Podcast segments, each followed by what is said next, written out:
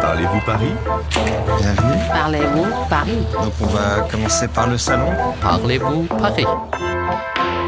Bonjour, je m'appelle Caroline, j'ai 26 ans, je viens du Québec. Je suis ici en stage pour l'OFQJ, donc euh, l'Office franco-québécois pour la jeunesse.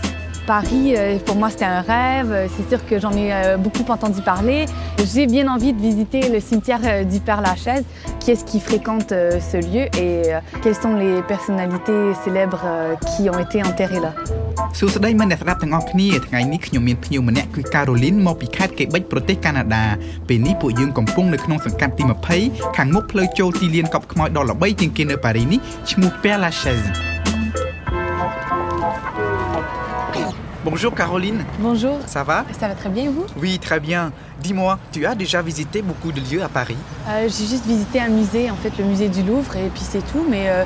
les bâtiments, tout ça, l'architecture, c'est complètement différent de ce qu'on trouve en Amérique. Alors euh, c'est sûr que pour moi c'est super impressionnant. Puis juste le fait de me promener comme ça à pied, bah, c'est une découverte en soi. Alors, euh, Caroline ប្រាប់ថាគាត់មិនសូវចូលចិត្តដើរមើលសារមន្ទីរអីទេតែគាត់ចូលចិត្តដើរលេងលំហែនៅតាមផ្លូវ Flâner ដើម្បីមើលផ្ទះមើលអគារស្អាតស្អាតៗបាននិយាយពីកន្លែងដើរលំហែលេងហើយថែមទាំងទទួលបានចំណេះដឹងទៀតនោះគ្មានកន្លែងណាល្អជាងវាលកប់ខ្មោច Père Lachaise នេះទេ Bonjour Thierry Bonjour, Bonjour, vous allez bien oui et vous Ben, Très content de vous faire découvrir ce cimetière musée.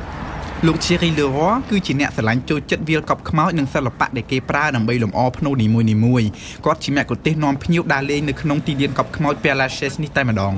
En fait, je vais peut-être rectifier le terme de guide. Je préfère dire passeur de mémoire. ប៉ុន្តែគាត់អត់សូវចង់ឲ្យគេហៅគាត់ថាជាមគ្គុទ្ទេសក៍អីទេគាត់ចង់ឲ្យគេហៅថា un passeur de mémoire គឺអ្នកថែរក្សានិងផ្ទេរការចងចាំរំលឹកពីអ្នកស្លាប់ទៅឲ្យក្មេងចំនួនក្រោយ Le nom du Père Lachaise, ça vient d'où en fait? En fait, sous le règne du roi Soleil, Louis XIV, ce sont les jésuites qui s'installent sur cette colline. Et dans cette communauté jésuite, il y a un personnage très connu qui s'appelle le révérend père de la chaise. Il a été le conseiller de Louis XIV, mais surtout, il a été son confesseur. ឈ្មោះវាលកប់ខ្មោចនេះបានមកពីអាចារ្យកាតូលិកកាលពីចំនួនស្ដេច Louis XIV ដែលមានឈ្មោះថា Le Père François de la Chaise លោកអាចារ្យនេះគាត់ស្នាក់នៅក្នុងភូមិសហគមន៍ដែលកាលពីចំនួនសតវត្សទី17ហ្នឹងគឺមានទីតាំងនៅត្រង់នេះឯង On est parti pour une visite តោះឥឡូវ Thierry Leroy នឹងនាំពួកយើងទៅមើលភ្នំមនុស្សល្បីៗមួយចំនួន Les jeunes garçons, vous êtes des Français Vous venez d'où Vous êtes de Paris Oui, Tu connais le métro oui, Eh bien ici repose le créateur du métro. Fulgence, bienvenue. Tu as un ticket de métro sur toi Pose-le, glisse-le. នៅលើភ្នំនេះមានគេដាក់សវត្ថមេត្រូដែលប្រើរួចចម្លែកមែន C'est un vieux ticket, hein មនុស្សដែលគេមកមើលនៅទីនេះមានទម្លាប់ទុករបស់តូចមួយជាអនុស្សាវរីយ៍ C'est même collector, hein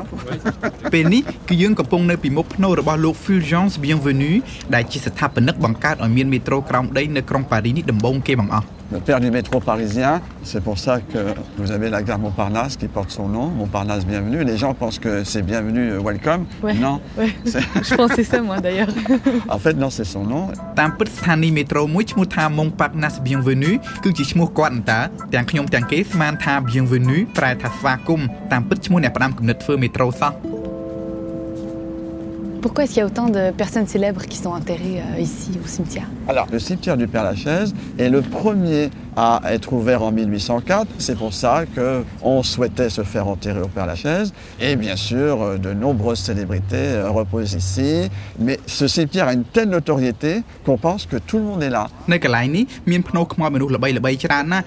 Oscar Wilde, Frédéric Chopin, Marcel Proust, ហើយជាពិសេសនោះគឺអ្នកចម្រៀងរ៉ុកដ៏ល្បីឈ្មោះ Jim Morrison តែម្ដង La tombe de Jim, elle est extrêmement sobre. Et il y a une plaque avec ses dates. hein. Je rappelle qu'il est mort en 1971. Et en dessous, une phrase qui est en ancien grec, qui veut dire contre tes propres démons. En fait, cette plaque a été posée par son père pour commémorer les 10 ans de sa mort. អ្នកដែលមកមើលនៅទីនេះ80%គឺគេតម្រង់មកមើលភ្នូររបស់លោក Jim Morrison នឹងឯងនៅជុំវិញភ្នូរអ្នកដែលស្រឡាញ់គាត់នឹងគេនាំគ្នាសរសេរអក្សរ graffiti អ្នកខ្លះទុកបារីហើយអ្នកខ្លះទៀតទុកស្ករកស៊ូក៏មានដែរ Cette plaque est très émouvante parce que le père de Jim et son fils ne vont pas avoir des bonnes relations. C'est une espèce de contradiction dans le sens où il va utiliser l'ancien grec et à travers cela, il va exprimer la reconnaissance qu'il a pour son fils en tant qu'écrivain, en tant qu'auteur. Mais jamais il va reconnaître le talent de chanteur de son fils. ឪពុករបស់ Jim បានឲ្យគេឆ្លាក់អក្សរនៅខាងមុខភ្នូជាភាសាក្រិចបុរាណដែលមានន័យថា Contre tes propres démons ឪពុ កគាត់ជានីតិហ៊ានជើងទឹកហើយអត់ចង់ឲ្យគាត់ធ្វើជាអ្នកចម្រៀងរ៉ុកទេ Alors Caroline, il y a beaucoup de personnages célèbres qui sont enterrés ici. Quel tombe tu aimerais visiter Euh, J'aimerais bien voir euh, Molière, euh, Jean de La Fontaine, Edith Piaf aussi, je crois qu'elle est ici. Peut-être que Thierry peut nous le dire Edith Piaf, la môme repose ici au cimetière du Père Lachaise. Et c'est avec grand plaisir qu'on pourra aller euh, lui rendre hommage អ្នកចម្រៀងស្រីបារាំងដ៏ល្បីម្នាក់នោះក៏គេបញ្ចុះនៅទីនេះដែរគឺ La Mom Edith Piaf អស់ឥឡូវយើងបន្តដំណើរទៅមើលទាំងអស់គ្នា